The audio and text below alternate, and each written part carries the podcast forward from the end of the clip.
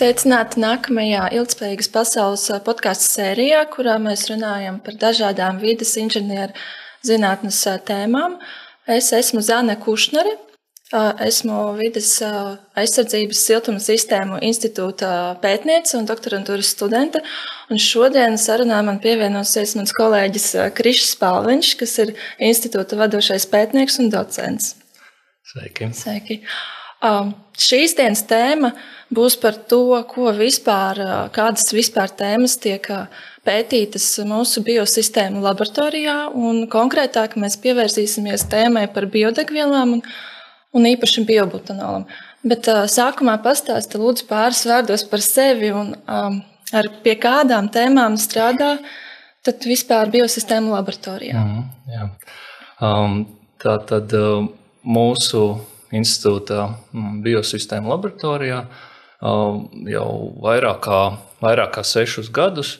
Um, mēs pētām uh, dažādus uh, tehnoloģiskos risinājumus, kā no virknes uh, Latvijā pieejamu un ģenerētu dažādāko veidu blakus produktus, kā no šiem blakus produktiem iegūt jaunus, jaunus produktus ar pēc iespējas augstāku pievienoto vērtību.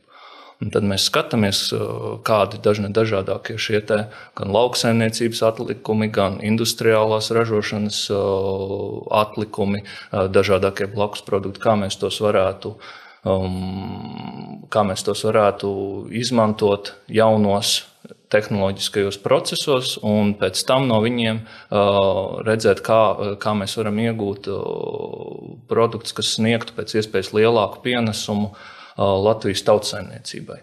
Un līdz šim mūsu mūsu centrālais, centrālais teikt, rīks, kuru mēs esam izmantojuši, lai, lai iegūtu dažādus šos augstvērtīgos produktus, ir bijuši mikroorganismi.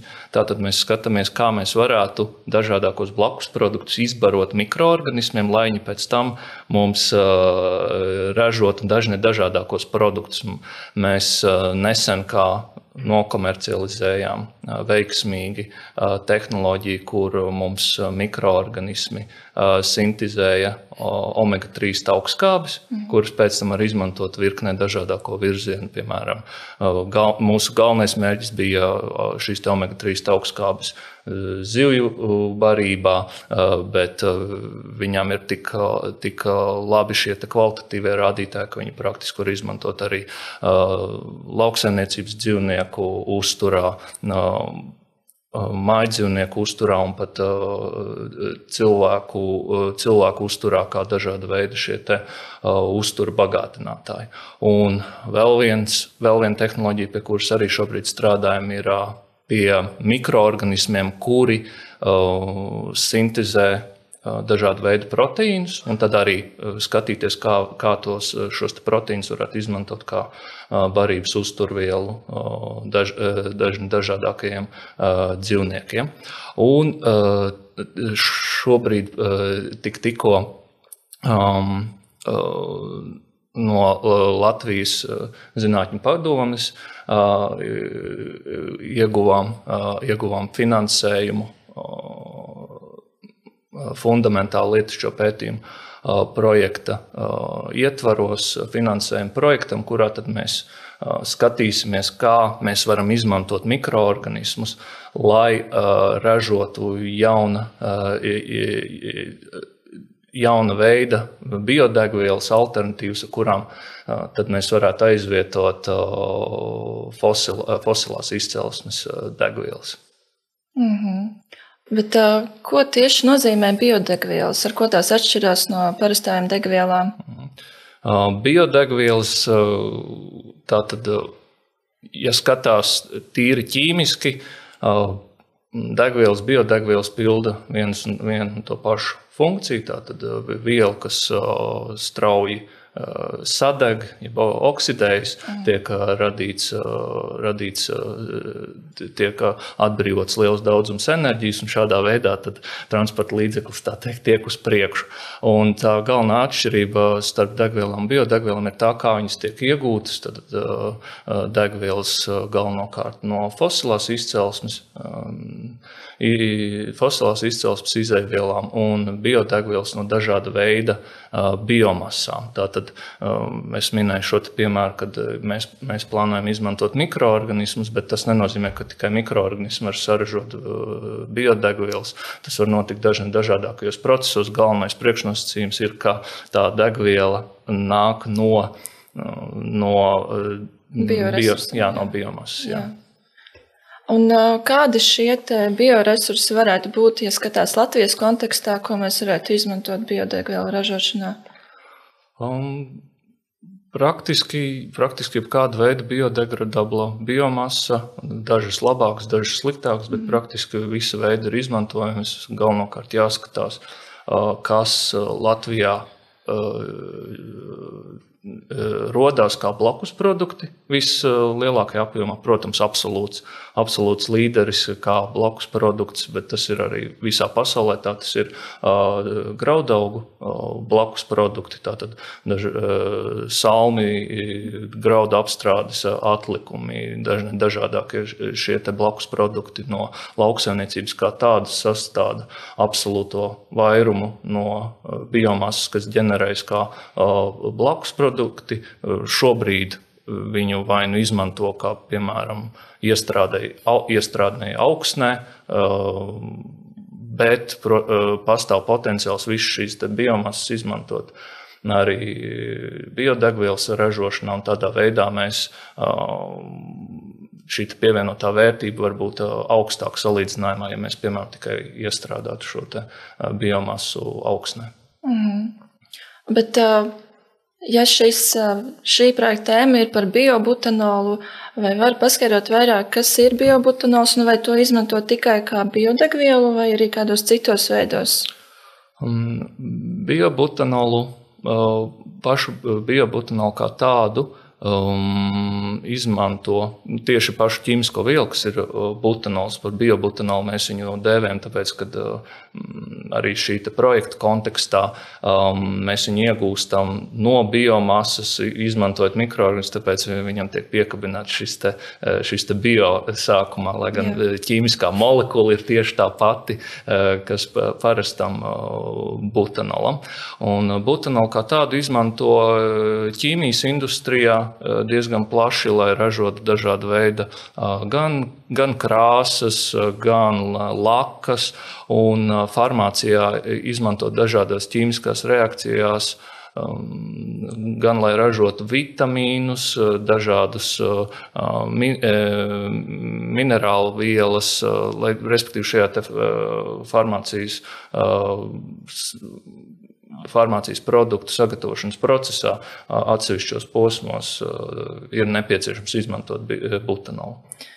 Mm, bet, ja mēs skatāmies uz butanolu kā uz biodegvielu, cik būtiski ar, ar ko tas atšķirās no citām biodegvielām, piemēram, no biodīzeļa un bioetanola? Jā, plašāk jā. tiek izmantots. Jā, tas ir ļoti, ļoti interesants stāsts saistībā ar šo te, jo um, Tātad eh, praktiski mēs, eh, mēs piedāvājam šo biobutanolu kā, eh, kā perspektīvu, alternatīvu esošajiem šiem te, biodegvielas risinājumiem. Un praktiski šī brīža divi galvenie risinājumi ir tātad Eiropā tik ļoti populārais biodīzelis Kur, un atkal Amerikā ļoti plaši izplatīts ir ražot bioetanolu no, no, no kukurūzas. Un tā tad ar kādas viņiem ir galvenās atšķirības, es teiktu, biobutanolam ir virkne, virkne, virkne ķīmiska, priekšrocības tieši tā ķīmiskajās īpašībās. Tātad Vēl viena lieta, kas jāpiemetina, ir tā, ka biobutanolu var izmantot kā uh, kā alternatīvo degvielu tieši benzīna iekšdedzes dzinējos, tāpat kā etanolu, un atkal biodīzeli var izmantot dīzeļdegvielas iekšdedzes dzinējos. Tur tā nedaudz tāda kā atšķirība. Līdz ar to sanāk, ka biobutanols vistiešāk konkurē ar etanolu. Mm. Un, uh, tur tās atšķirības ir diezgan vērā ņemamas salīdzinājumā ar etanolu. Uh, Tātad uh, biobutanolam ir aptuveni pa 50% augstāka enerģijas ietilpība. Līdz ar to mums vajag uh, ievērojami mazāk degvielas, lai nobrauktu to pašu distanci. Nākošā lieta ir tā, ka butanols nav korozīvs, līdz ar to nav nepieciešams modificēt esošos eh, benzīna iekšdedzes dzinējus. Mēs praktiski varam ieliet uh, butanolu esošā transporta līdzeklī, un viņš var braukt ar to. Un, uh, šim dzinējam nebūs nekādas problēmas ar to, kamēr etanols ir ļoti korozīvs.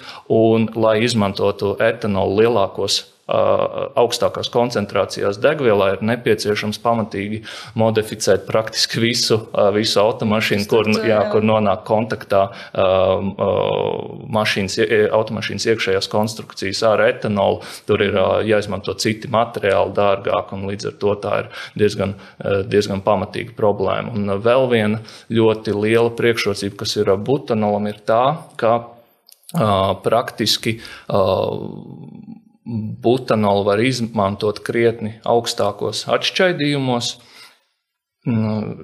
Pareizi sanāk teikt, zemākos atšķaidījumos, tāpēc, ka viņš sastāda lielāko daļu no degvielas. Respektīvi, mēs varam, mūsu iekšzemes dzinējs var darboties normāli, pat ja mēs bio, biobutanolu koncentrāciju no kopējā degvielas apjoma palielinām līdz pat 90%. Tātad tikai 10% no kopējā benzīna sastāda fosilās izcelsmes benzīns, un viss pārējais var būt butanols. Kamēr etanolam šī pati proporcija ir tikai 60% maksimālā, kur var sasniegt, plus vēl visas problēmas saistībā ar etanolu korozīvo ietekmu uz dzinēju un zemāku šo enerģi, enerģijas ietilpību. Un, ja mēs šo pašu šo pašu atšķaidījumu pakāpi pārnesam uz biodīzeli, tad tā proporcija ir vēl skaudrāka, jo biodīzeli drīkst atšķaidīt tikai līdz 7% no kopējā degvielas mhm. daudzuma, un respektīvi Respektīvi, tas nozīmē, to, ka praktiski ar biodīzeli mēs nemaz teorētiski pat nevaram palielināt uh, Uh, kopējo uh, atjaunojamās biodegvielas uh, šo daudzumu, jā, īpatsvaru. Jā, tieši tā. Tā kā mhm. jā, šīs ir tādas, tādas trīs lielākās priekšrocības biobutanolam, bet tas, protams, nenozīmē, ka viņam nav arī, nav arī savi trūkumi. Mm -hmm. Tas izklausās ļoti, ļoti labi, ja runā kontekstā par to, ka uh, ir jāizvieto fosilie, uh, fosilās izēvielas degvielas ražošanai. Bet uh, Kāda tad ir šī biobutanāla ražošanas vēsture, kāpēc līdz šim tas nav tā attīstījies? Mhm. Cik sen jau pie tā tiek strādāts un pētīts? Jā, šo te tātad biobutanāls. Biobotanāla ražošana no mikroorganismiem, kā tehnoloģija, tā ir atpazīta jau ļoti ilgu laiku, vairāk kā simts gadus. Un tā praktiski savu tādu kā visplašāko pielietojumu pieredzēja tieši Pirmā un Otrā pasaules kara laikā, kad abas, abas karojošās puses dažādu tirzniecības embargo dēļ nevarēja piekļūt fosilajām izaivielām. Līdz ar to viņiem bija jāmeklē veids, kā da, tā teikt, turpināt darbināt savu kara mašīnu, eh, izmantojot atjaunojamās eh, izaivielas, jo tad, eh, tad bija diezgan vienkārši um, izmantot gan kartupeļus, gan kviešus, gan kukurūzu un izbarot te, šīs te visas lauksaimniecības izaivielas mikroorganismiem, un tad uh, mikroorganismi šajā biobutanolu ražošanas procesā sintizē ne tikai biobutanolu, bet arī acetonu un etanolu. Noteiktās proporcijās. Un šajā kara periodā tieši lielākais uzsvars bija uz acetonu, jo to izmantoja sprākstvielās, bet arī būtiski bija saražot biobutanolu, jo to varēja izmantot, ja es nemaldos, lidmašīnu degvielās. Mm. Tā kā jā, šī vēsture ir ļoti, ļoti sena un jau sen zināma šī te tehnoloģija pati par sevi, bet uh, praktiski viņa nespēja uh, konkurēt ar uh, fosilās izcelsmes biobutanolu. Tātad biobutanolu ir iespējams iegūt arī no, uh, no naftas. Un, uh, šeit tas ražošanas process ir krietni lētāks, krietni konkurētspējīgāks. Un tad, kad teikt, kara apstākļi nespiež, tad tajā brīdī biobutanols nav konkurētspējīgs ar fosilās izcelsmes butanolu. Tad, tas ir tāds galvenais trūkums šobrīd, ja? Un vai ir, vai, vai ir vēl kaut kādi būtiski trūkumi, kāpēc, kāpēc šī biobutanola ražošanas tehnoloģija vēl nav tik attīstīta? Jā, tas šī nespēja konkurēt ar fosilo ir viena no galvenajām, mm. galvenajiem trūkumiem, bet ir arī virkne citu. Tā tad jā, šis galvenais, galvenais ir šī konkurētspēja, kur lielākais, lielākais īpatsvars ir tieši izaivielas cenai.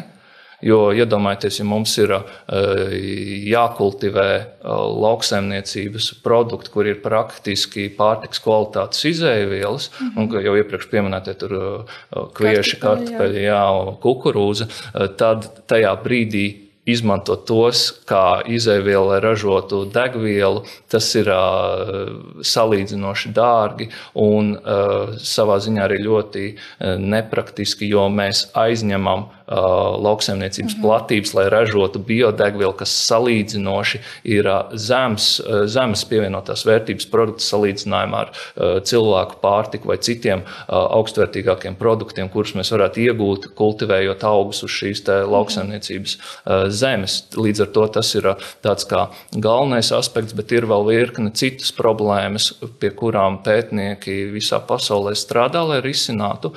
Un Un tās ir, pir, viena no tām ir fakts, ka mikroorganismi, tad, kad viņi sintēzē šo butanolu, viņiem ir ārkārtīgi zema tolerance uz butanola klātesamību. Kopējā šajā vidē, kurā mikroorganisms aug šajā barotnē, šajā šķidrajā vidē, kur, kur viņš atrodas. Un, lai, lai būtu tāds kā uzskatāmāks piemērs, varētu minēt spirta augu, kurš arī viņš tātad rūkšanas procesā ražo spirtu. Un, rauks iet bojā no etanola pārāk augstas koncentrācijas, tad, kad etanols ir sasniedzis aptuveni 11% no kopējā šī barotnes koncentrācijas. Un atkal biobutanola ražojošiem mikroorganismiem šis maksimālais slieksnis ir tikai 2%. Mm. Līdz ar to tas nozīmē, ka mēs, sākam, mēs uzsākam šo fermentācijas procesu ar, bio, ar biobutanola ražošanu. Un praktiski pie šiem tikai 2% mums process apstājas. Un mums, un mums ir tad, jāmeklē risinājumi, kā mēs varētu ar to tikt galā. Un, Citas pētnieku komandas aktīvi risina šo, šo problēmu no dažādiem rakursiem. Tātad viens ļoti interesants veids ir inženiertehniskais risinājums, kad mēs šo uh, kultivēšanas procesu uh, apvienojam ar biobutanola destilāciju. Tātad mikroorganisms turpina Uh, ražot butanolu, bet mēs vienlaicīgi visu laiku ņemam nost biobutanolu, lai mēs nesasniegtu šos kritiskos 2%.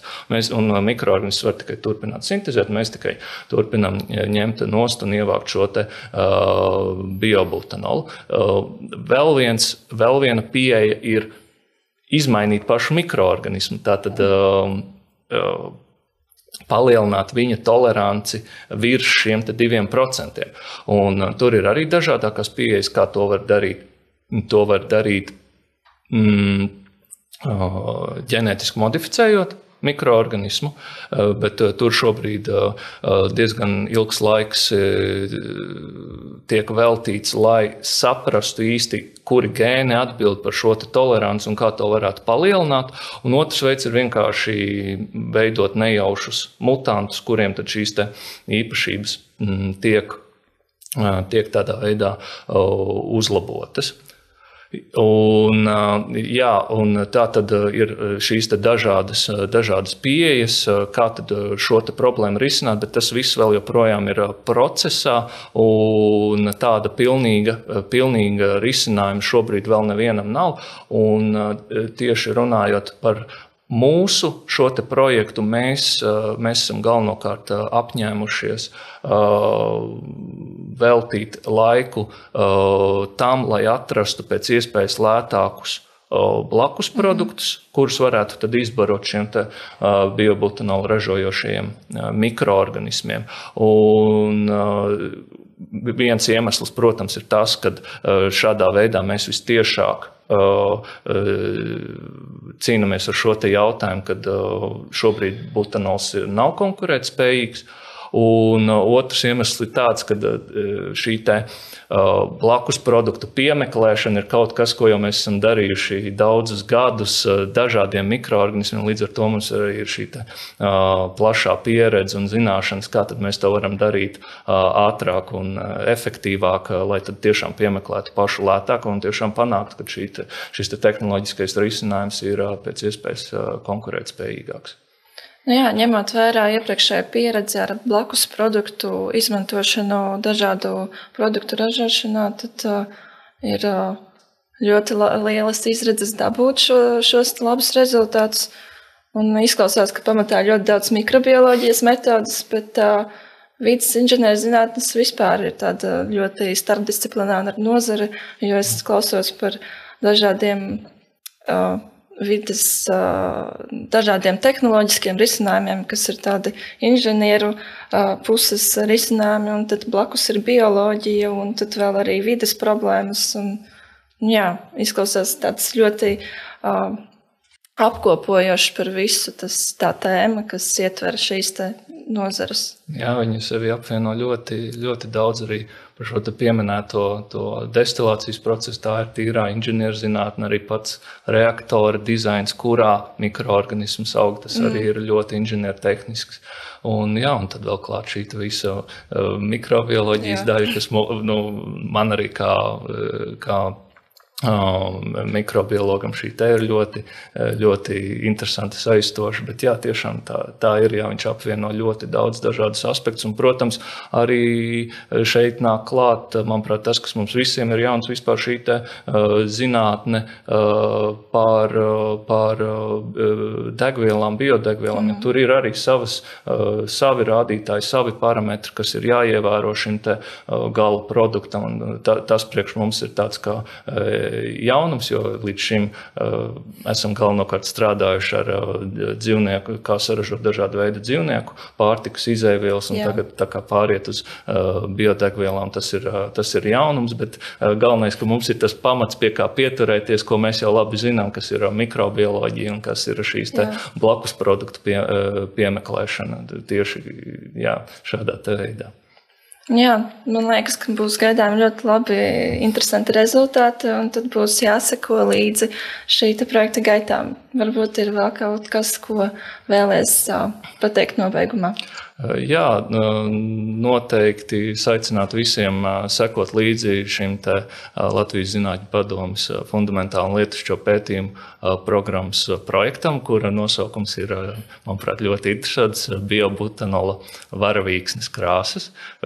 Es domāju, ka noteikti šis interesantais nosaukums arī bija, arī bija viens no iemesliem, kāpēc mēs varējām piesaistīt ekspertu uzmanību, lai viņi šo projektu apstiprinātu.